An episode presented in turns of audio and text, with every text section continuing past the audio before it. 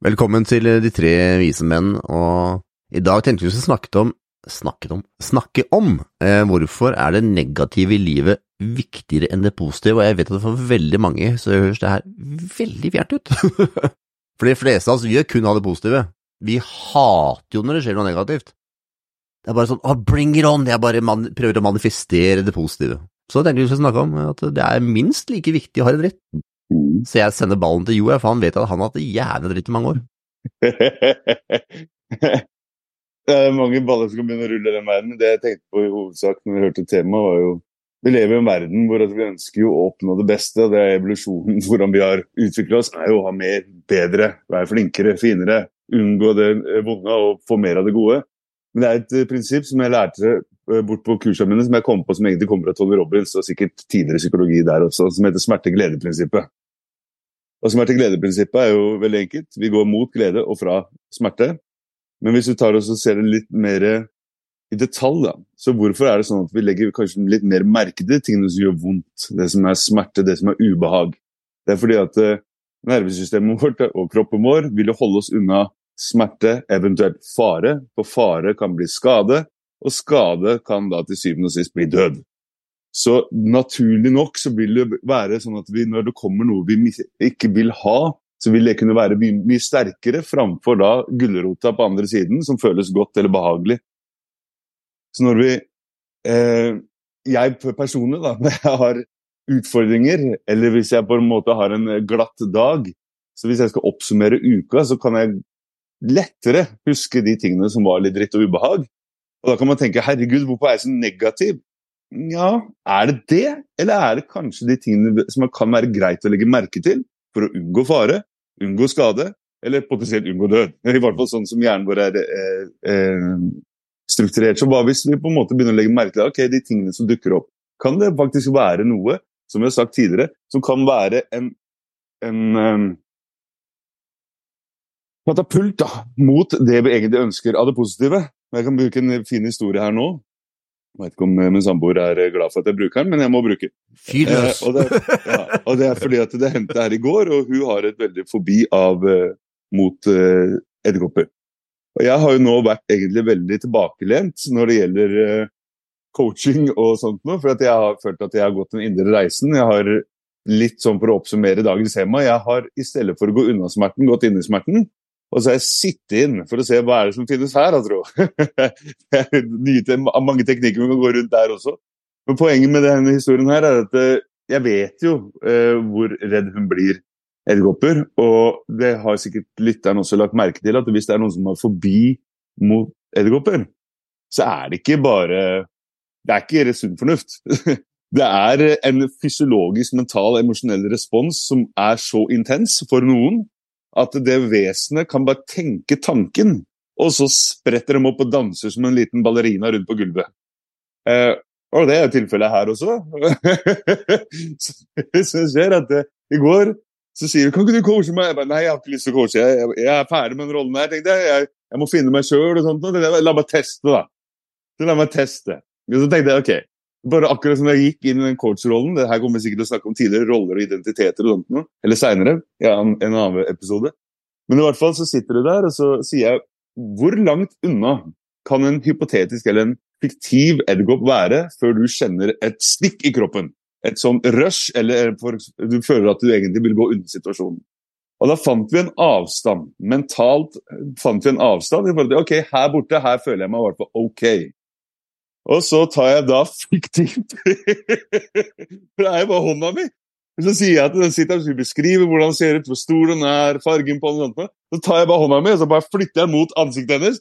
Og hun hopper opp i sofaen som om den der jævelen lever. ikke sant? Om det er noe der. Og hun hopper opp! Og så begynner hun å le. Og når hun begynner å le, så går hun fra smerte til glede ganske fort. Det er en state, en, en, en endring i hennes opplevelse innvendig, som vi kaller tilstand, som da skiftes. Den tingen der er kul å lagre. Den andre den må vi prøve å bli kvitt, i hvert fall hvis det her er noe som vi ønsker å bli kvitt. Så Det gjør at jeg prøver å få hun til å finne, bruke mentale verktøy til å endre assosiasjonen sin til det som er smerte. Og For hun så er det jo egentlig bare bildet av og så deretter kommer det da ideen om følelsen, hvordan beveger seg, lydene og sånt. ikke sant? Så Det gjør at jeg da spør hun, hva kan vi gjøre for at den her skal føles trygg. Denne edderkoppen, fiktive edderkoppen, som vi da hadde gitt et nytt navn, den heter da Jesus Presley. Og den hadde også store, fine øyne, for den så søt ut. Og den var også veldig lodden. Og så hadde den fått seg litt på toppen av hodet, så hadde den lilla hår, litt sånn lilla pigghår. Så den fikk jo ve- veldig søt karakter, da. Og det som er at Denne her kunne ha litt nærmere. Den kunne til og med ha på bordet kanskje en meter unna seg, og føler da at okay, dette her er greit, så sant han ikke kommer nærmere. Så da lagde vi da en mental eh, idé om at den lille edderkoppen her spretter rundt på bordet her og danser litt og er litt for seg sjøl. Og så tar vi tar da, hva skal til, og da finner, jeg, da finner vi noe som vi har alle en ref, eh, referanse til, og det var at vi ja, Hvis du kapsulerer en boks, en boks som du på en måte veit er låst, hvor nærme kan du ta denne edderkoppen da? Og da kunne hun da fysisk holde denne hånda, denne boksen her. Mentalt, men eh, hvis du så på tidligere responsen, så er ikke dette her bare bare. Da plutselig sitter du med den fiktive boksen i hånda med edderkoppen og går inni der med navnet Jesus Presley og hele greia. Hun sitter da med denne boksen og så sitter hun siden av oss, og vi kan da sitte og se på film sammen hvis vi skulle gjøre det. Vi kan ta den med på tur hvis vi vil gjøre det. Og det som da skjer, er at vi endret, eller hun endret, jeg bare fasiliterte, assosiasjonen til hva smerte representerte. Eh, I det tilfellet her kapsulert kalt en eh, edderkopp. Så tar vi da og ganger den litt til. Fordi det er jo, hvis du veit hvor han er, ja, da kan du jo eh, på en måte forutse hva som skjer. Men hva hvis broren dukker opp på sida? Hva hvis søstera Og jeg begynner Søstera bak deg, ditt navn! Begynner nervesystemet å sjokke litt til. Jeg, men broren har også hår. Den andre er litt mindre. Og så begynner vi å lage fiktive ideer om hvordan det her kan se ut, føles ut og sånt noe. Til slutt så sitter hun Teknisk sett, dette her er jo alt mentalt, så de som du hører her, kan tenke at fy faen, så gærne folk sitter her og lager disse mentale bildene. Det er rett og slett bare eh, galskap, men samtidig også Det er det som er så fantastisk. Fordi smerte-glede-prinsippet er jo egentlig bare et prinsipp basert på at vi assosierer smerte eller glede med en hendelse, idé, følelse rundt noe. Så avslutningsvis, det som da skjer, at jeg sier da at dette er greit, for da gidder jeg ikke å på en måte Jeg tenker hun får ta den reisen videre. Da hang bestemora den ene på eh, veggen siden av hun. Lillebroren satt ved armlenet. Denne her hadde da fått lov til å slippe ut av boksen sin. Den andre satt på gulvet nær hun, og da hun var egentlig omringa av disse ulike edderkoppene, fiktive edderkoppene. Og da, for å gjøre det litt mer realistisk også, tok jeg bort det håret, eller hun tok bort det håret. Disse to øynene som da var så søte. Jeg sa at jeg tenkte at noen har vært slemme med en og stappa to eh, nåler inn, den ser ut som en vanlig edderkopp. Så det er det en edderkopp ser ut som. Det ser ut som det er rett og slett inngravert øyer. ikke sant? Så egentlig en handikap.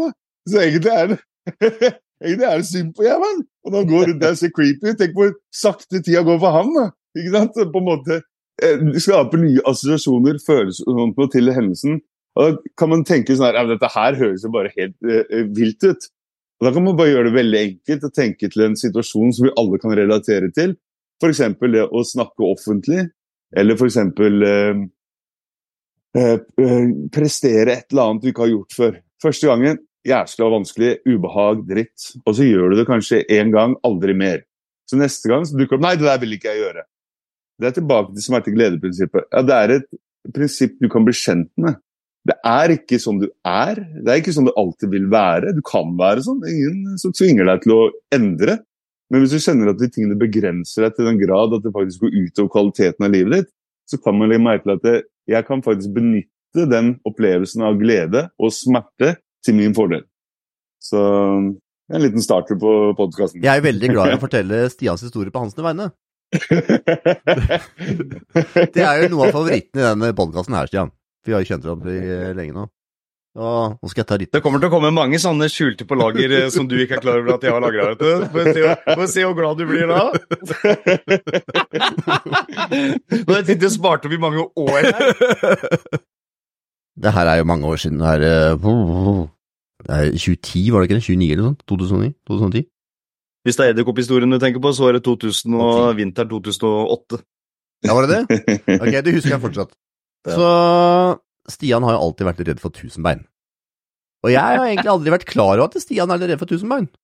Og jeg sa jo i første episode at du har jo sett ut som sånn He-Man-figur, og det gjorde du rundt den tida her. Det var veldig med sånne hjørnesofaer, vet du, sånn som at eh, liksom, du ligger på den ene sida, så ligger den andre på den andre sida. Så da møtes man da i hjørnet.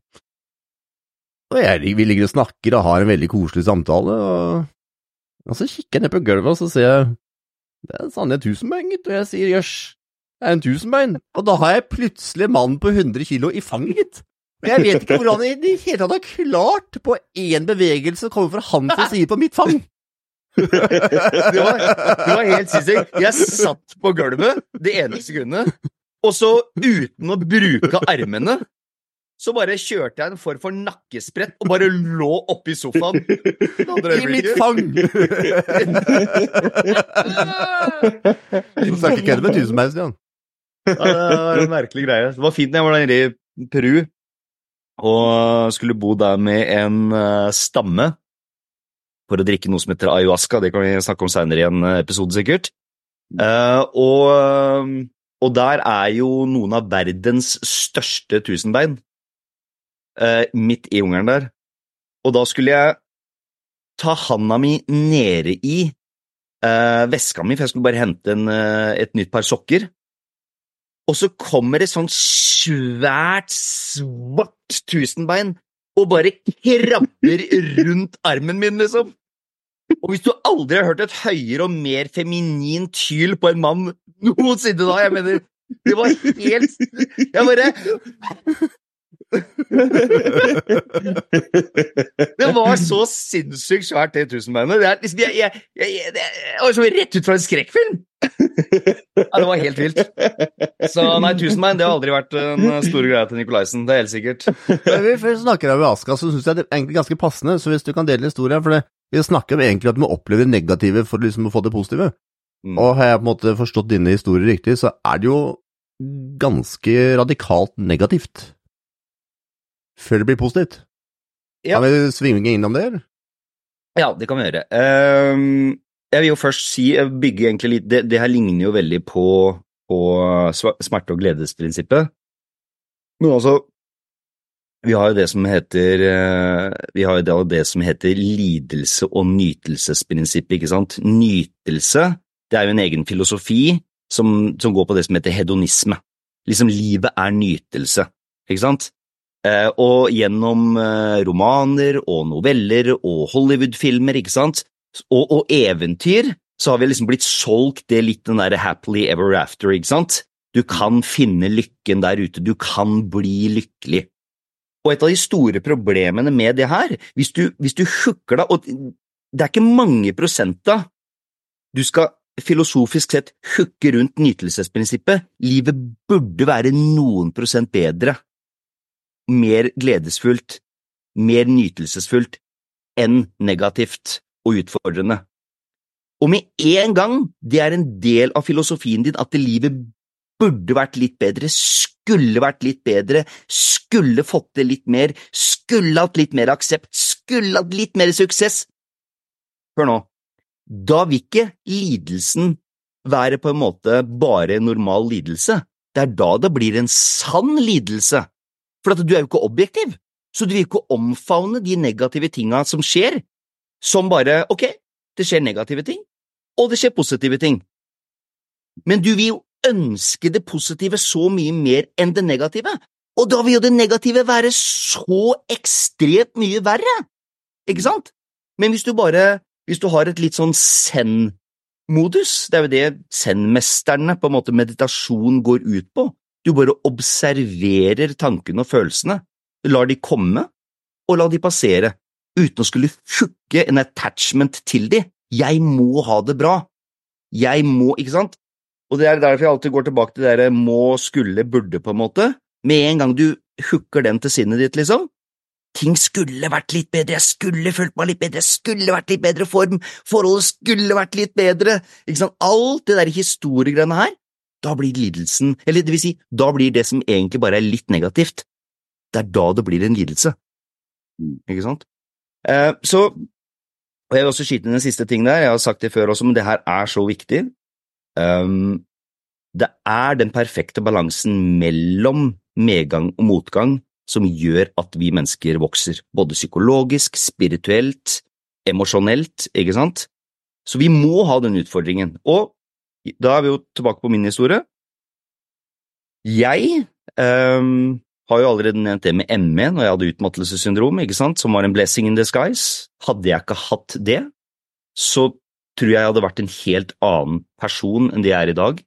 Hadde ikke moren min nummer én hatt kreft alle de gangene hun hadde, eh, og til slutt da døde i en bilulykke, eh, som da gjorde at jeg ønska å søke enda dypere igjen psykologisk, ikke sant, virkelig, virkelig gå inn i en ekstrem dyp sjeleransaking, som da også førte meg til å dra ned til eh, Peru og bo der med, med en innfødt stamme i, eh, i en seks ukers tid.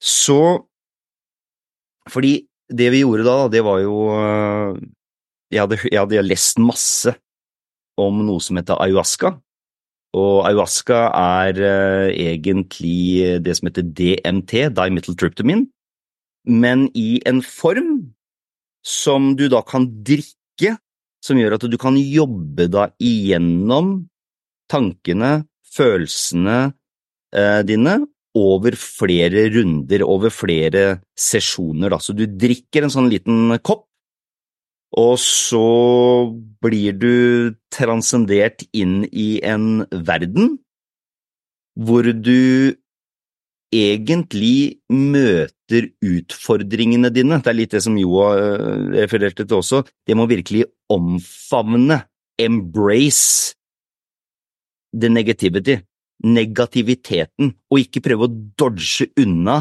eh, utfordringene, men faktisk sitte der og det er det som på en måte er greia med meditasjon, men det kan være litt lettere på en måte å snike seg unna en meditasjon. Bare sånn ah, 'nå er det litt vondt i ryggen', eller 'å, det er litt, litt, da føler jeg meg ikke helt bra', og så kan du på en måte dodge unna, ikke sant? Men når du for eksempel har drikket eller når, når, du drikker ayahuasca, og du ligger der, og du har allerede gjort det, da er det ikke noe vei ut. Hvis du prøver å kjempe imot ayahuascaen da, så blir det mye, mye verre. For det er jo frykten du skal møte. Det er rett og slett negativiteten du skal møte, for det er jo frykten, stort sett, som holder oss igjen fra å tørre å være det autentiske jeg. Redd for avvisning, redd for å miste penger, redd for å bli syk, redd for å dø, redd for å eh, miste anerkjennelse, eh, redd for å bli utstøtt, redd for å bli fattig, ikke sant? Alt det her, det er den frykten, ikke sant, som holder oss igjen.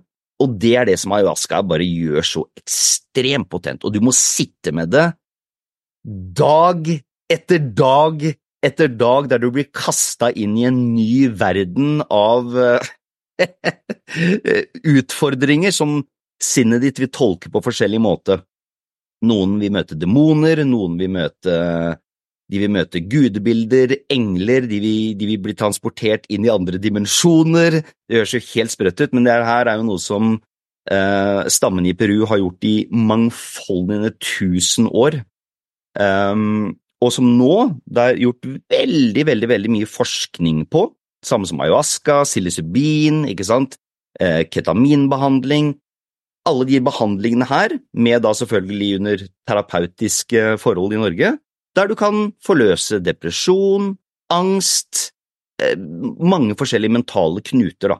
Mens jeg gjorde det jo primært sett for at jeg gjerne da ville finne ut om det var liv etter døden, og ville gjerne ha et siste avsluttende kapittel med min kjære mor, som da døde veldig tragisk i den bilulykken. Og lang historie kort, jeg kunne snakka en hel episode om alt jeg opplevde i løpet av de ukene på ayahuasca, men uh, det høres jo crazy ut, men jeg endte faktisk da opp med å kunne ha en kommunikasjon med henne, uh, som gjorde at jeg fikk en closure. Uh, en closure der. Så men hadde jeg ikke på en måte vilt kjent på den sorgen, kjent på den eh, For må, jeg, du må jo være klar for det. Du må jo være klar for å faktisk møte de kjipe, vonde tankene og følelsene her. Hvis ikke så kan du like godt bare enten la være, prøve å døyve det med alt fra trening til fest til øh, sex, ikke sant? Og jeg sier ikke at ikke, de tinga her er fint å ha i livet, de òg, men det må virkelig tørre å møte det. Ja, det, det har potensial til å kunne skape virkelig en transformasjon i et menneske. Mm. Kan jeg hoppe inn her litt nå? Yes. For jeg skjønner at det er det som er litt fascinerende når jeg prater om den lille historien med en samboer. At Mm. uh, hun gikk igjennom da det som kan uh, klassifiseres som en, en åpenbaring uh, i hennes sinn. Mm. Eh, og det som er så fantastisk med vi bruker bare for å rette tilbake til smerte glede-prinsippet, at uh, vi gjør jo ting kontinuerlig gjennom en hel dag, hel uke, helt år. Mange ganger gjør vi det årevis uten å vilje gjøre det. Mm. For å da oppnå glede eller unngå smerte i livet vårt. Uh, vi på en måte kan si at en som røyker, da, kan si at herregud, den burde jo skjønne at vi, den som røyker, den burde jo egentlig bare holde seg unna, for den er på vei til å dø. Men i hodet til en som røyker, så er det det at den vil unngå smerte i øyeblikket, som kan være stress, mas, jag, og mot glede i øyeblikket, som er da en lettelse, en sinnsendring og sånt noe. Det kan jo være alle de småtingene som må på en måte henge seg opp i eller sitte i bilen og så sitte og skrike til bare fremmede folk. Helvete, hvorfor kjører du her? Å, kutter du linja her? Å, hvorfor kjører du sånn? Jævla idioter! Blæ, blæ, blæ. Som er rett og slett, det kan oppleves negativt for en som er med, men det er rett og slett det skaper en sikkerhet, en form for trygghet for personen som da i utgangspunktet er nervøs, Mm. egentlig har det ubehagelig, så det, er på en måte det å generere sinne kommer da fram. Så det å på en måte det er, Jeg tror det er nummer én. Er det å, nummer én det Først må vi være klar over det. Du kan, det er veldig vanskelig å endre noe du ikke er klar over eksisterer. Og så nummer to at du faktisk er villig til å gjøre det som skal til for å komme dit. For det å sitte, som eh, av min erfaring, sitte i meditasjon Det er veldig mange som eh, mediterer, spesielt etter 2015 når ting blir blåser opp. Det blir mindfulness og alt det greiene der. Så sitter du der, og så med en gang det er en sånn kink i ryggen, eller du sitter der og får en følelse opp, og så, pop, så spretter øya opp, og så er du ferdig med å være der. Og så, ah, da, nei, nå er jeg ferdig. Eh, og det er så mange ulike nivåer her, og det er det som er så utrolig fascinerende med den kroppen her vi har. At eh, sinnet vårt, kroppen vår, følelsene våre, mentale bildene, alt det der har så mange ulike nivåer. Og det å komme til det neste nivået, det gjorde du ganske glansfullt ved å sitte seks uker der nede. Det var et annet valg. Og det er jo sånn der, I hverdagen så er det kanskje ikke så vanlig å tenke at ja, men jeg vil endre, jeg vil endre, og så går de og irriterer over tingene. Jeg vil endre, jeg vil endre. Og det er det som er. Når det er linka nok smerte, ikke til smerte, at du har smerte, når det er linka nok smerte til den atferden, til den følelsesbanen, eller mø- mønsteret, til de tankesettet, til den væremåten, og du klarer å koble nok glede til endringen, bam! Det er en transformasjon. Det er, bare, det er så mange måter å fasilitere det på, og mange ganger så skjer det helt automatisk i livet. Det er mange ting som Vi, det, vi tenker jo ikke på det, men på en måte, å herregud, livet ble så annerledes når jeg fikk en samboer. Eller eh, når jeg fikk den nye jobben, livet ble så annerledes. Kanskje fordi triggerpunktene som ligger der så er det noen andre nyanser som kommer. Og det å oppsøke det som du gjorde der, Stian, oppsøke noe som du deretter må sitte i dritten Jeg tror det er veldig få som egentlig kan, kan egentlig relatere til det sånn sett. Og det er det som er, jeg er veldig sånn, jeg er åpen, jeg syns det er så interessant å høre alt. Hva enn du gjorde, om du drakk kumøkk eller om hva enn du gjorde, så sant det funka. Hvordan funka det? Og fortell meg om det. Ikke sant? Men mange kan tenke å herregud, hva er dette for noe? Hva, hva, hva, det som er så fascinerende, er at det, hva enn som funker, Mm. er det ikke interessant å finne hva er prosessen der? Hvordan fungerte det? Kan jeg ta litt av den prosessen her, så kan jeg bruke det sjøl? Kan jeg generere noe lignende? Ja, det, jeg synes det er utrolig Kan jeg skyte inn en siste, siste greie her? for det, det du sier der er helt, eh, det er helt riktig, helt sant. Og jeg pleier å si til, til mine klienter um, du bør ikke, du behøver ikke å gjøre noe mer ekstremt enn å bare, hvis du føler deg lei deg, hvis du, hvis du tenker triste tanker om livet ditt som skaper triste følelser, som kanskje kan potensielt sett føre til en nedstemthet og kanskje depresjon, eller hvis du tenker engstelige tanker om noe som kommer til å skje i framtida, som da skaper fryktfølelser, så bare la det faktisk være bare, bare la de tankene og følelsene få lov til å eksistere, akkurat der og da, uten å måtte distrahere deg. Jeg må gjøre det jeg må. Nei, bare la de få lov til å være der som en, i hermetegn, en del av deg, de også. Ikke sant? Så du behøver egentlig ikke å sette deg ned og meditere, sånn som jeg, jeg elsker å meditere, jeg har gjort det i 14 år, eller å dra ned på en eller annen ayahuasca-retreat der du er stuck i dritten på en måte i seks uker og, og på en måte Men bare ikke, ikke Don't drug yourself. Og da mener jeg ikke, når jeg sier drug, da mener jeg ikke valium og sobril. Da mener jeg bare liksom sånn Ikke alltid dop deg sjøl ned med Netflix, som sagt, eller pornografi, eller sex, eller Som sagt, ja da, del av livet, de og jeg vet nå bare gjenta det jeg sa i stad, men det er bare liksom sånn, la deg sjøl få lov til også å bare ha en kjip dag. Mm. Mm. Legg bort telefonen, det er iallfall den første eh, distraksjonen. Ja. Ikke sant? Det er jo, det er jo drug eh, number one omtrent i dag. Det Og er så har vi vi har snakket mye om uh, relasjonen til måte, edderkopper, tusebein og uh, måtte ende et kapittel med noe, noe som har gått bort. Men det er jo også mange ting i livet der vi må stå i ubehag over tid. Er kanskje, alle, vi alle har jo drevet for oss selv i mange år, eksempelvis. Og driver man for seg selv, så er det ikke sånn at det kunne komme per fjøl heller. Du må stå i ubehag denne måneden her eller året her. Hadde jeg ikke noe særlig inntekt, eksempelvis. Du kan stå i alle de forskjellige ubehaga. Og det er noe vel i perspektiv i det òg. Noen ganger så kanskje man tenker at eh, vet du hva, nå kapitulerer jeg bare, så bare orker jeg ikke holde på lenger. Må jeg gjøre noe annet. Eller kanskje man skal bruke en drivkraft når ting er vanskelig, da. Kanskje kan man se, kan man tvike litt, da kan man gjøre litt annerledes, kan man liksom finne den løsningen, kan, å, kanskje gjøre på den måten der. Og det er viktig å huske at når ting er ubehagelige, så kommer det alltid noe lys i andre enden, og Stian, vi hadde jo et interessant intervju med ei som heter Diana Pasulka her om dagen. Hun var jo akkurat på Joe Rogan, og hun er jo, er jo egentlig religionsforsker, og skulle jo da se om de som trodde på ufoer også egentlig da det var en egen religion. Og i starten når hun begynner å grave i det så får hun bli kontakta både CIA og FBI som ikke ønsker at du skal drive, og pirke borti der. Tenker jeg jøss, hvorfor begynner de å liksom eh, engasjere seg om hvorfor jeg skal forske på akkurat det her? Og så blir hun jo redd, da. Og så lar hun det på en måte litt være, men så blir hun nysgjerrig, og så fortsetter hun likevel. Hun har jo fått et totalt annet liv enn det hun hadde i utgangspunktet. Men hun hadde jo redselen, ikke sant, hun hadde en frykt. Hun hadde jo møtt jo motstand. Men hun sto jo over den motstanden da, og tråkka gjennom den og fulgte nysgjerrigheten sin og fikk jo livet sitt eh, endret. Selv om hun sa at hun kanskje skulle helst være kjent for å drive med et kokeprogram framfor ufoer, så, så virker hun jo veldig eh, positiv. Jeg syns det her ofte går igjen, da, at eh, man må kunne stå imellom den utfordringen. Hvis man kjenner at nysgjerrigheten at du, jeg kunne tenke meg å vite mer om det her. Jeg kunne tenke meg å drive med den jobben eller det faget eller hva det enn måtte være. Stå igjennom utfordringen, for det er så sykt mange før det som har stått igjennom utfordring, og det er ikke alltid det er en måned eller et år, eller kanskje ti år for den saks skyld. Det kan ta veldig mye lengre tid. Men man bare tenker at man ser disse utskuddene. Man ser noen som bare Ja, de ble kjempekjent på et år. Ja, ja, men kanskje i ditt tilfelle kanskje det er tolv år, da. Mm. Ikke sant? Det er det med å klare å ha perspektiver på at uh, ikke gi opp selv om det var vanskelig en måned eller to eller et par år. Og så hører vi jo solskinnshistoriene. Jeg skal bare skyte ned, det går veldig godt. Eh, vi hører jo solskinnshistoriene. Det er ikke like kult å skrive en bok hvis du sier at du vet hva, dere her, den oppskriften, den tok meg 28 år.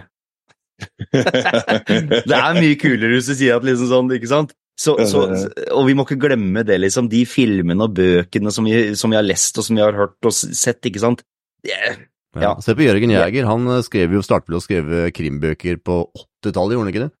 Ja, kanskje på 90-tallet. Han uh, slo ikke gjennom fra han var 75 år, om jeg husker riktig, og det er jo noen Mm. få år siden. ikke sant? Han skrev jo bøker i 30 år før noen begynte å kjøpe dem. Så det var jo Mm. takket være at Storytel og lydbøker kom, så han uh, måtte gjøre suksess. Så man må ikke gi opp, det er liksom poenget mitt. at Ikke gi opp selv om ting er vanskelig. Ja, så jo. Det, det, jeg tror det er veldig viktig i forhold til For jeg vet at det, La oss si at du har visse ting på plass. Alle har noe på plass, og det er det jeg tror Som du nevnte med lidelse- og nytelsesprinsippet også. At det, mange kanskje blir så vant til den væremåten de er, hva de har, at det er vanskelig å sette pris på det som allerede eksisterer. yes. Så du på en måte prøver å oppnå nye høyder. Eller eventuelt kanskje sånn at du har dratt deg så langt ned i nytelse, eller eventuelt smertesiden, at du føler at det er, «Ah, jeg er bare dritt, jeg er bare det, jeg føler bare det, ting er så utrolig negativt. Hvorfor er det ingen som vil ha meg, hvorfor er det ingen alternativer der ute, eller muligheter, løsninger? Og så på en måte går man inn og graver. Det som jeg tror er veldig viktig, og jeg har jo eh, promotert det fra dag én, er jo å prøve å finne de små mestringene i hverdagen. Mm. Det er alltid noe du kan mestre på en eller annen form og måte. Og det er sånn herre Ja, men jeg har ikke tid til å trene. Jeg har ikke tid til å endre dietten min. Jeg har ikke tid til det. Ok, la oss si de tingene er sant, noe jeg ikke tror på, men la oss si det er sant. Hva med når du skal gå og sette deg i bilen, Kan du klare et minutt før? Ikke sant? Hva hvis eh, du står og prater med noen, og du føler alltid at du blir stående og jatte, prate, du vil egentlig ikke stå og prate. Kan du f.eks. bare ta opp telefonen, da, så må du få en telefon å gå? Gjøre noen små ting som på en måte gjør at du får Hei, dette er annerledes. Dette her gjorde hei. Og da på en måte begynne å utforske de tingene som er utenfor det, eller som er rett og slett innenfor det ubevisste. rett og slett. At det, de tingene som jeg ikke var klar over at jeg gjorde engang. For til slutt, når du på en måte har løpt, løpt et maraton, eller du tre, har benka så og så mye, eller du har oppnådd den jobben der, og sånt noe, det er da det er veldig lett å brøyte seg i det som kalles da nytelsen, kan jeg se for meg. da. Mm. Men det er sånn Ja, men det fins ikke et isbad å hoppe oppi? Fins det ikke en ekstra tur du kan gå? Det ikke et eller annet der som på en måte da kan begynne å trigge et eller annet ubehag? Jeg kan ærlig innrømme at det er veldig sjelden jeg setter meg i det isbadet jeg kjenner at dette her dette her er så deilig! Dette gleder jeg meg til! Fytti rakkeren! At beina mine og føtta mine skal, eller føtta og eh, fingrene mine skal fryse i hjel, det er noe jeg virkelig ser fram til. Men det er rett og slett en eller annen form for ting som på en måte Det er ikke som jeg kan kapsulere tid, sted og rom i en hendelse, og så kan jeg gi mentalt, da. Jeg ser for meg at jeg skal gå ut i den balja. Den veit jeg er ganske så kald. og jeg gjør så godt jeg kan for at den skal være kald, så nå som det er varmegrader, heller jeg isbiter oppi også. Så blir det liksom, ok, hvordan kan jeg gå oppi her nå, og gå ut derfra og føle For jeg må jo ta det som det kommer òg. Hvis jeg veit allerede hva som kommer før det kommer, og sånt, og jeg kan forutse alt, så er ikke noe vits i å gjøre det. Nei, jeg veit hvordan det funker, jeg. Så den usikkerheten, den derre uh, variasjonen med å faktisk gjøre det, er jo et momentum hver gang. Men samtidig så har jeg kapsulert en mental merkelapp for meg selv, at jeg vet når det starter, jeg vet når det slutter, Mm. og jeg håper på, og jeg ser for meg at det kan bli noe bedre etterpå. Og dette er på en måte akkurat som du kapsulerer, eller på en måte mentalt ser for deg, eller kjenner inn i en form for virkelighet som ennå ikke har eksistert. Da. Så øh, det å skru opp og ned den der smerte-glede-greia mot det positive, eller fra det negative, eller mot det negative, det er en finurlig liten greie, ass. Mm. Ja, det er, eh, det er det, og, og, en, eh, noe som jeg pleier å, å, å både, både predikere og praktisere. Og det er jo da prinsippet om Jeg hadde tenkt på det for mange år siden, det her med takknemlighet. Ikke sant? Her liksom I USA sånn, så har vi har liksom det count your blessings, og, og, og det høres nesten litt sånn klisjéaktig ut. Men hvis du ser en, en, en, en rett linje for deg, da, der du har takknemlighet, og så har du i den andre enden så har du utakknemlighet. Og midt på den linja så har du bare på en måte det du tar for gitt i livet ditt. Ikke sant? Alle de små tinga som egentlig er blessings, ting som du kanskje har i livet ditt, som andre ville vært takknemlige for, men som du bare tar for gitt. Og de aller fleste mennesker, ingen regel uten unntak, men de aller fleste mennesker, kan at jeg er litt biased fordi jeg jobber med dette her, så jeg har da selvfølgelig klienter som kommer som føler seg litt mer utakknemlig, eller tar ting litt mer for gitt. Um, det, det gjelder jo de fleste, ikke sant. De, de, de fleste de henger seg, som vi snakka om innledningsvis, som Jo sa også, mer opp i de negative tinga. De tinga vi skulle ønske at det var litt bedre. Også de tinga som er egentlig ganske greit. De tar vi for gitt, for det er bare sånn, ja, men det er bare sånn livet mitt er. Jeg trenger jo ikke tenke noe på det, jeg vil jo ha det litt bedre. Da kan jeg være takknemlig. Når jeg får den neste sjekken, når jeg får den neste jobben, når jeg får den kroppen, når jeg etc., etc. Da kan jeg være takknemlig. Det er ikke sånn det funker, vet du. Det er ikke sånn det funker. Så jeg pleier å si det. Prøv å finne tre ting hver eneste morgen, så skriver du det ned. Tusen takk for at jeg har prikk, prikk, prikk. For det som skjer da, da vil du transformere sinnet ditt til å plukke ut flere av de små dagligdagse, hverdagslige tinga, og så vil du plutselig se de. Og da behøver du ikke å få den millionen inn på konto fra Lotto, på en måte, for at du skal kunne være glad. Men det er så lett å glemme dere her, ikke sant? Det er mye limbane som vi snakka om i forrige episode? Helt Hvor viktig det er på en måte å danne disse motorveiene i hjernen. da. Yes. Og spesielt på takknemlige, for jeg tror at det, det er bare en observasjon av mennesker som er veldig takknemlige, og veldig ofte uttrykker takknemlighet og sånn. Det virker som at de Da kommer det alltid noen Jeg kaller det for eh, Kanskje man bruker ordet hell? At det er mye hell som går deres vei. Altså de har mye flaks, eller hva du vil kalle det. Og jeg tror det har mye med hvordan de ser på tilværelsen deres, hvordan det oppfattes andre mennesker. Og det er sånn at hvis du, hvis du møter noen, og det er åpne, hyggelige, takknemlige mennesker, så er det veldig mye hyggelig nede som er lokt og er litt småsnurt og sur på livet. Det er jo det. Det er det det. selvforklarende. Eh, Absolutt. Og, og tenk på det òg, da. Hvis du klarer å se det gode, det fine, det vakre, takknemlighet i de små hverdagslige tinga, vil du da føle deg mer heldig eller mindre heldig? Selvfølgelig vil du føle deg, føle deg mer heldig da. For du, du ser jo at oi, jeg har jo alle de små, fine tinga i livet mitt, ikke sant? Så husker jeg hadde en, en entreprenør som jeg drev og coacha, så sier han ja, men sier han, hvis jeg skal kjenne takknemlighet for alle de små tinga, vil jeg ikke miste driven min da? For det er jo den derre lidelsen, det er jo den der som på en måte driver meg. Men paradoksalt sett, når vi da på en måte begynte med å jobbe med takknemlighet, så fikk han bare enda mer inspirasjon enn at han trang den der ytre motivasjonen, som egentlig bare er noe du Motivasjon er jo egentlig bare et tegn på at du, at du, du, du trenger enten straff for ikke å gjøre det, eller belønning for å gjøre det. Men inspirasjon, in spirit, som vi, kalte, som vi sa i Norge før, nå er du i ånden, gutten min. Ikke sant? Det er jo da ånden på en måte siger opp og gjennom deg, ikke sant? Og hvis du da, jo mer du kjenner at herregud, livet er jo på veien istedenfor i veien, det er jo så mange fine ting å være takknemlig for, så får du jo mer energi, mer entusiasme og mer overskudd. Og bare, livet blir jo bare bedre. Er det ikke det som handler om det å være i ånden, i spiriten, det som vi snakker med oss om på Two Vikings med Diana på Surka, da, det der, eh, disse menneskene som da hadde mange patenter og liksom klarte å finne ut av ting, Det var jo veldig ofte mennesker som mediterte mye, de hadde mye stillhet og drakk ikke kaffe og trente og alle de tinga her, nettopp for å være i ånden, altså bare være i flyt. Det er flyt som Mm. har vi egentlig snakket om. Og det er viktig å påminne seg om, jeg vet at eh, livet tar de fleste, og jeg har en kjepphest, og det er sosiale medier og telefon, og det stjeler så sjukt mye tid, så hvis du ser på telefonen din, du som lytter, hvor mye du har brukt av livet ditt på telefonen den uka som har vært, så vil jeg tippe at det er ganske mye. og tenk da om du hadde ikke brukt det på telefon, og heller brukt det på meditasjon eller andre typer aktiviteter som hadde gjort deg sterkere, gjort at du følte deg bedre, kanskje så muligheter isteden, for det er veldig ofte at vi ser ikke så mange muligheter når det bare er impulser som ser på andres liv. Mm. Det er refleksjon det der, altså. Absolutt, absolutt. Og sånn kort uh, liten en på den, det er jo, da er vi jo tilbake på den det med sosiale medier, ikke sant? Vi har vel snakka om det før òg, men det er bare så Sier det igjen og igjen og igjen og igjen, Ja, kommer inn ja, for det, det, det, ikke sant? Kan aldri si noe du, med en gang du sammenligner deg med noen andre, ikke sant?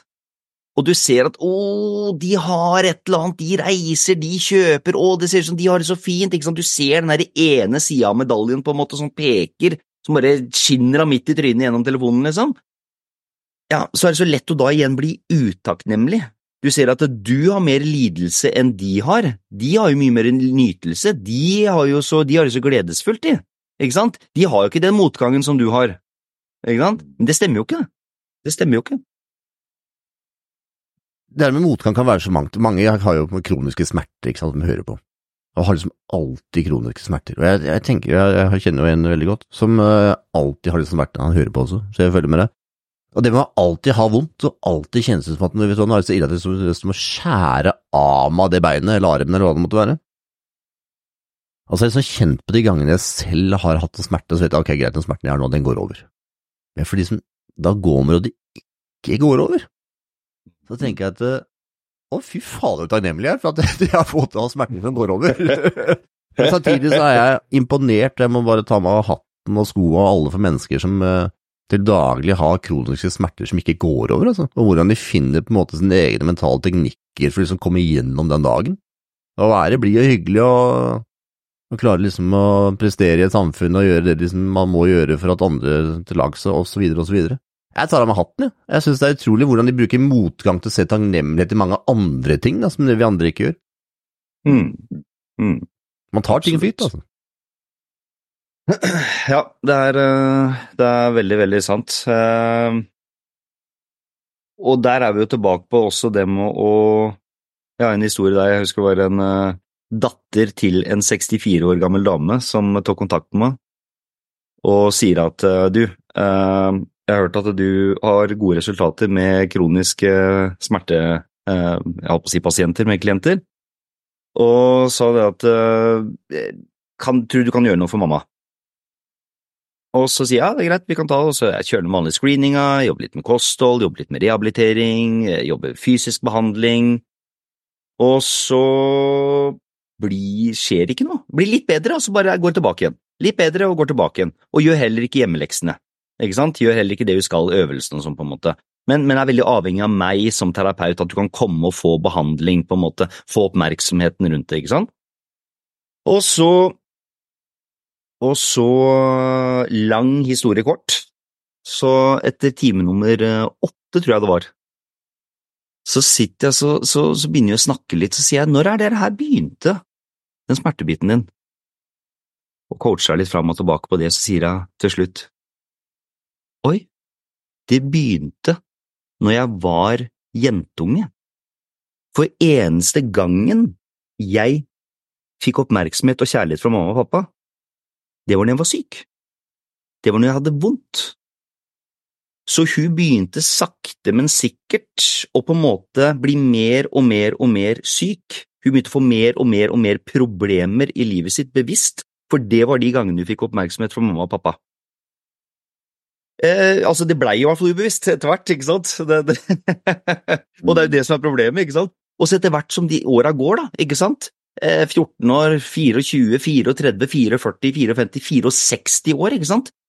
Så livet hennes dreide seg jo om de forferdelige smertene, som var helt ekte, helt, helt, helt ekte for henne. Hun hadde vært terapeut etter terapeut og lege etter lege. Og så jobba vi ved det, og så sier jeg ok, men hvilke fordeler er det smerten gir, da? Og med en gang så sier jeg hva er det du snakker om, for hun ble, hun ble ordentlig, bare hvilke fordeler? Hva er det du har gitt, da? Ikke sant? Og da kommer jeg fram til det. Da får jeg jo oppmerksomhet og kjærlighet fra døtrene mine, fra mannen min, det er jo da jeg kjenner at på en måte at jeg betyr noe, ikke sant? Så hun hadde nesten laget seg en identitet gjennom det er det som Eckhart Tolle ville kalt smertekroppen, ikke sant? Gjennom den så, så, og, og jeg, jeg, har jobba med smerte, smerteklienter i, i, over 20 år, så jeg vet at det her er ikke noe regel. Du kan absolutt ha kroniske smerter uten at de behøver å ha noe med det mentale, tankene og følelsene dine å gjøre, men veldig ofte er det en stor, stor del av det. Jeg husker når jeg hadde ME og legen min sa bare du, vi ser ikke noe på testen din, det sitter bare i huet ditt. Jeg blei så fortvila og lei meg og forbanna, husker jeg, når jeg hørte det den gangen der. Men sannheten er da at ja, det var mye å gjøre med å ikke stresse, det var mye å gjøre med å slutte å trene, det var mye å gjøre med å skulle legge fra meg den perfeksjonistiske Stian, på en måte, ikke sant, som skulle være svær, muskuløs, og skulle være kul og skulle alt det greiene her. Så når jeg la alt det her fra meg, og blei vegetarianer, og begynte å meditere, ikke sant, og jeg gjorde alle de tinga her, ja, da blei jeg bedre, men det hadde aller, aller, aller mest med det med å roe sinnet mitt og begynne å, få meg en, å skape meg en ny tanke- og følelsesfilosofi om hvem Stian er og hva livet er. Mye mer det enn kostholdet og treningsbiten. Så ja. Jeg tror Det som er utrolig fascinerende, for jeg har også jobba med veldig mange som har hatt Og det er det som er alle opplevelser er subjektive. Eh, vi kan se objektivt på dem, men det er alle har sin indre reise. Mm. Vi veit jo aldri oppstarten eller slutten eller grunnen. Til syvende og sist så sitter vi egentlig alle og klør oss i huet. Men det er veldig mange mønstre som gjenkjennes. Og det som er utrolig fascinerende, er at når man begynner å gå det mentale og emosjonelle, så kan man rett og slett begynne å eh, skille unna, eller på en måte hjelpe mennesker å filtrere den opplevelsen som gjør at det, la oss si smerte er konstant hele tiden på ulike områder av kroppen. Eh, og sånn er det. Det går til syvende og sist det er sikkert at dette er over natta, selv om det sikkert finnes mange scenarioer som det har skjedd òg. Men er poenget er at du kan filtrere sånn at i hvert fall det filteret som kommer igjennom opplevelsen, er at du ser det, føler det, opplever det via noe som da Smerten ikke er hovedfokuset, men smerten er noe som er heller litt bak i opplevelsen. Man greier ikke å distansere seg fra kroppen, ikke distansere seg fra følelsene. Ikke distansere seg og prøve å bli og, og, og, og, rømme unna og på en måte drikke det bort eller på en måte røyke Ikke sånt noe. Det er akkurat som du tar en del av det og, på, og lar det eh, ikke få bli den nummer én i livet. Mm. Og det høres jo kanskje vondt ut. Hvis en som har kroniske smerter, lytter til det her jeg tenker, ja, Det er veldig fint for deg å si, som aldri har hatt det. Så er det sånn, ok, det forstår jeg, det er ikke meningen å krenke, men jeg kan bruke et veldig fint eksempel her. Eh, Og dette her var ikke fysisk smerter, dette her var rett og slett uh, mentale utfordringer eh, som denne unge jenta hadde. Uh, og hun kommer, jeg nesten med tårer når jeg tenker på fordi hun kommer til meg, og hun var 16 år på den tiden. Jeg tror hun hadde åtte eller ti ulike diagnoser. Jeg gidder ikke å gå innom dem nå, men alle disse det kan være alt fra, Jeg kan bare nevne noen, for jeg sier ikke navnet på personen uansett. Bipolar, det var kronisk angstgreier Det var så mye. Og det var det mest ekstreme av de ekstreme. Det eneste Nå var det neste greie hun skulle potensielt få, eller være på øh, øh, utprøving for, om hun hadde da schizofreni også. Det var veldig mange ekstreme tilfeller der. Uh, og moren uh, var jo der også med meg første gangen, og hun sitter der og forteller at dette her er helt for jævlig. Her er noe som er veldig vondt å si, det er derfor kanskje den følelsen kom opp i meg. At jeg velger aldri å tro på hva jeg ser og hører, jeg velger å tro på potensialet. Og jeg sitter og ser denne jenta i øynene når hun forteller lidelsen sin, og så snur hun seg mot moren sin og hun prater. Og hver gang moren nevner det her, så ser du et lite smil på munnen hennes. Jeg begynner å merke, Hvorfor kommer dette smilet her, når vi egentlig snakker om noe som er så utrolig utfordrende, forferdelig, for jævlig? Så jeg blei da ettertid, når moren da ikke var der, over tid, jeg møtte denne jenta over tid, begynner å legge merke til at det smilet kommer i en form for anerkjennelse. Og jeg, kunne, jeg var jo ganske ung da og sjøl, jeg, var, jeg husker med 28 eller hva jeg var. Jeg kunne ikke tenke meg at noen ville ha det sånn. Det var det siste jeg kunne tro, at noen ville ha det sånn. Og så finner jeg ut over tid at eh, ved at hun hadde disse diagnosene, så visste hun i hvert fall hva som var feil.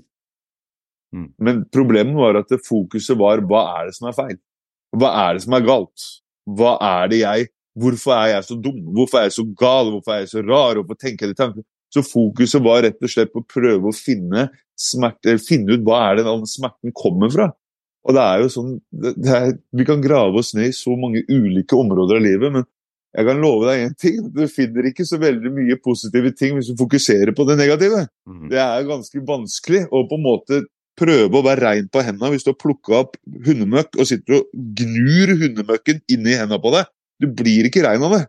Så det er liksom, Hva kan man gjøre for å endre det? Så Det eneste, det som var fascinerende med jenta her, at det, det var hun som gjorde det hele greia. Jeg bare var der.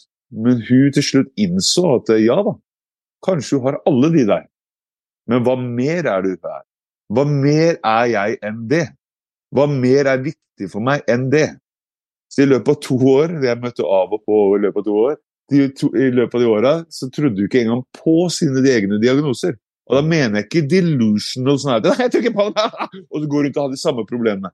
Hun virkelig la det som et kapittel bak seg, og bevegde seg framover, så så det som at det her er en opplevelse jeg hadde av lidelse, men den er nå over.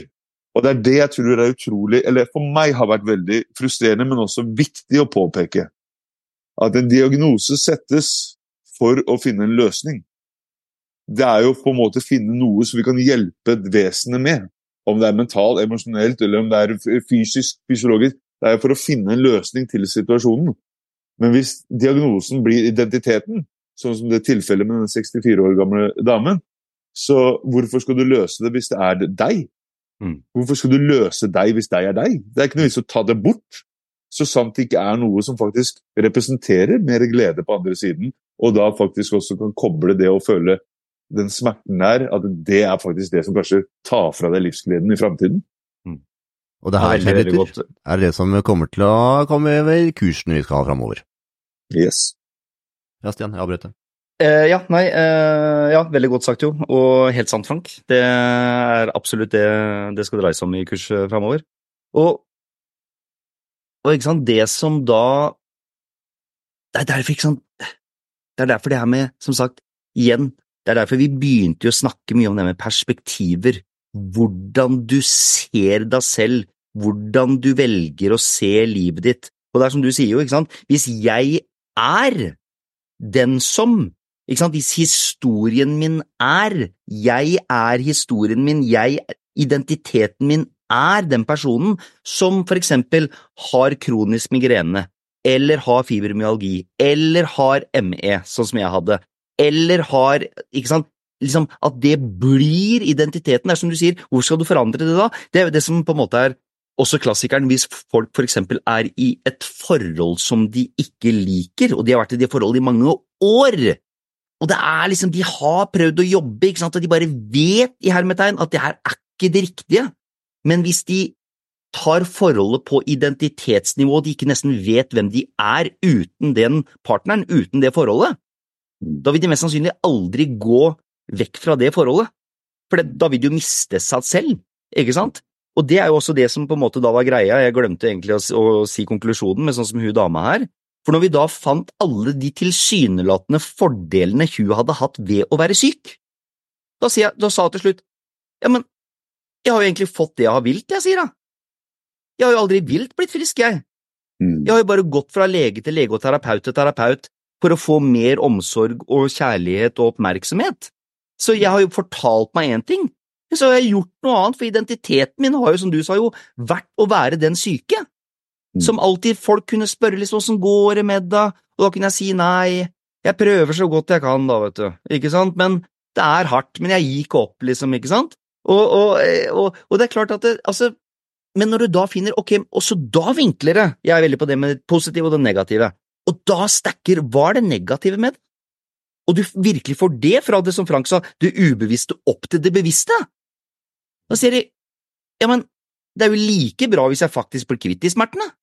Og det som var så sprøtt, da, det som var så sprøtt, det er derfor jeg har fortalt om det tilfellet her på flere andre podkaster også tidligere, for det, når jeg da ringte uka etterpå, uka etter å bare jobba med det mentale, to timer, så sier, så, så tar jeg telefonen, er dattera som tar telefonen, så sier jeg, hun har ikke vondt lenger. Mm. Hun har vondt et helt liv, og så hadde hun ikke vondt lenger, for det var ikke noe hook, det var ikke noe attachment, på en måte, ikke sant? Og igjen, ikke misforstå, som, som Jo sa, og det er veldig viktig, det er veldig, veldig, veldig viktig å presisere det her, så ikke noen bare går helt off the rails og tenker herregud, for noen idioter, skulle vært i mitt hode med min migrene, det er som sagt, absolutt, jeg bare gjentar igjen, så ikke, ikke bli veldig frustrert, ingen regel uten unntak. Du kan absolutt ha helt konkret fysisk betennelse, smerte, som gjør at du har en fysisk smerte som, hvor det ikke har med det mentale å gjøre. Men veldig ofte har det det.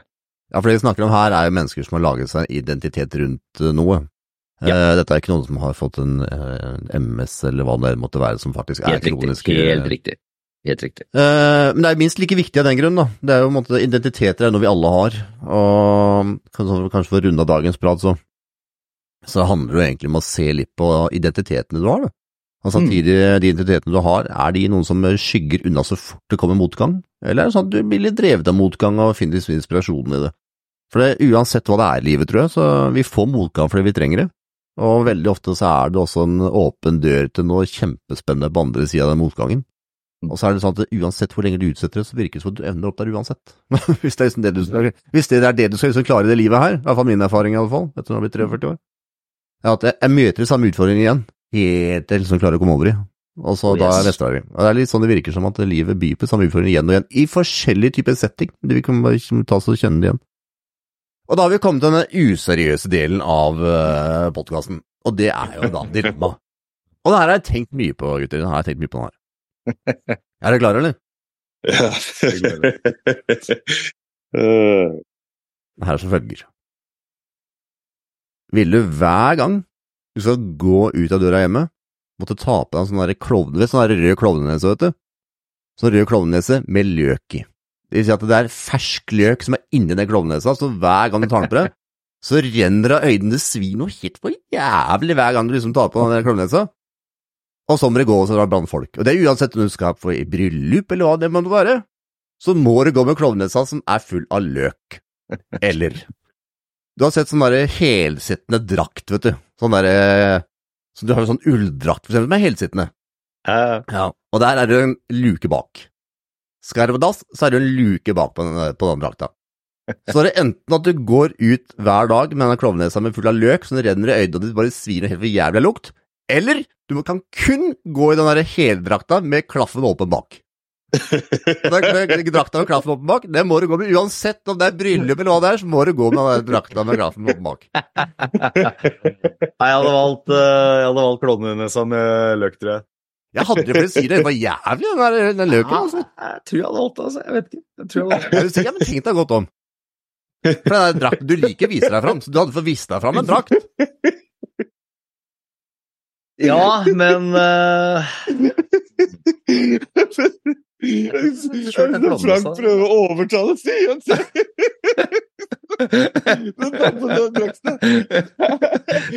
Er det også en del av, den der, av det dilemmaet, Frank? Det med å overtale? Nei, jeg har tenkt godt gjennom, for det, det er for jævlig godt med løk. Har du, skåret løk, ikke sant? Vet du hvor Ja, men jævlig grunnen til, at det eh, grunnen, grunnen til at det sikkert er greit for meg, er at jeg reagerer ikke så mye på løk. så dere, hadde jeg reagert på, eh, like mye på løk som det du tydeligvis gjør, så kan det hende at jeg hadde valgt den klaffen bak i ræva. Hadde du det? Ja, du har jo Jeg tatt løken og det, ass. Det å plagge rumpa mi for verden. Det hadde ikke vært noe. Hvis jeg puster veldig hvis jeg på en måte, jeg jeg er så vant til å puste gjennom munnen. Det er ikke at det er optimalt, men jeg har vært så vant til det, så jeg tenkte bare å hoppe i det moduset der. da, Du kan puste gjennom munnen. Klovnenese hadde vel fått folk til å smile. Jeg vet ikke om rumpa mi har fått folk til å smile. På folk til å skrike det. Ja, for det Det ene er jo liksom et valg mellom fysisk ubehag, ikke sant? Det er det ene dilemmaet, fysisk ubehag. Og det Ja. andre er hva du tenker, hva andre folk tenker om det. Det er liksom det Ja, som er dilemmaet her, da. Det der, hva er det Mm. du egentlig syns er verst? Er det fysisk ubehaget, eller er det hva folk tenker om det? Ja. Jeg tror folk hadde gitt hva, par kommentarer. eller, eller hva purken tenker om det. da. Hva, er hva var den største sannsynligheten for at du faktisk kommer til å kunne få gått fritt uh, i samfunnet? liksom sånn? Klovnenes med løk, eller ræva bar, liksom?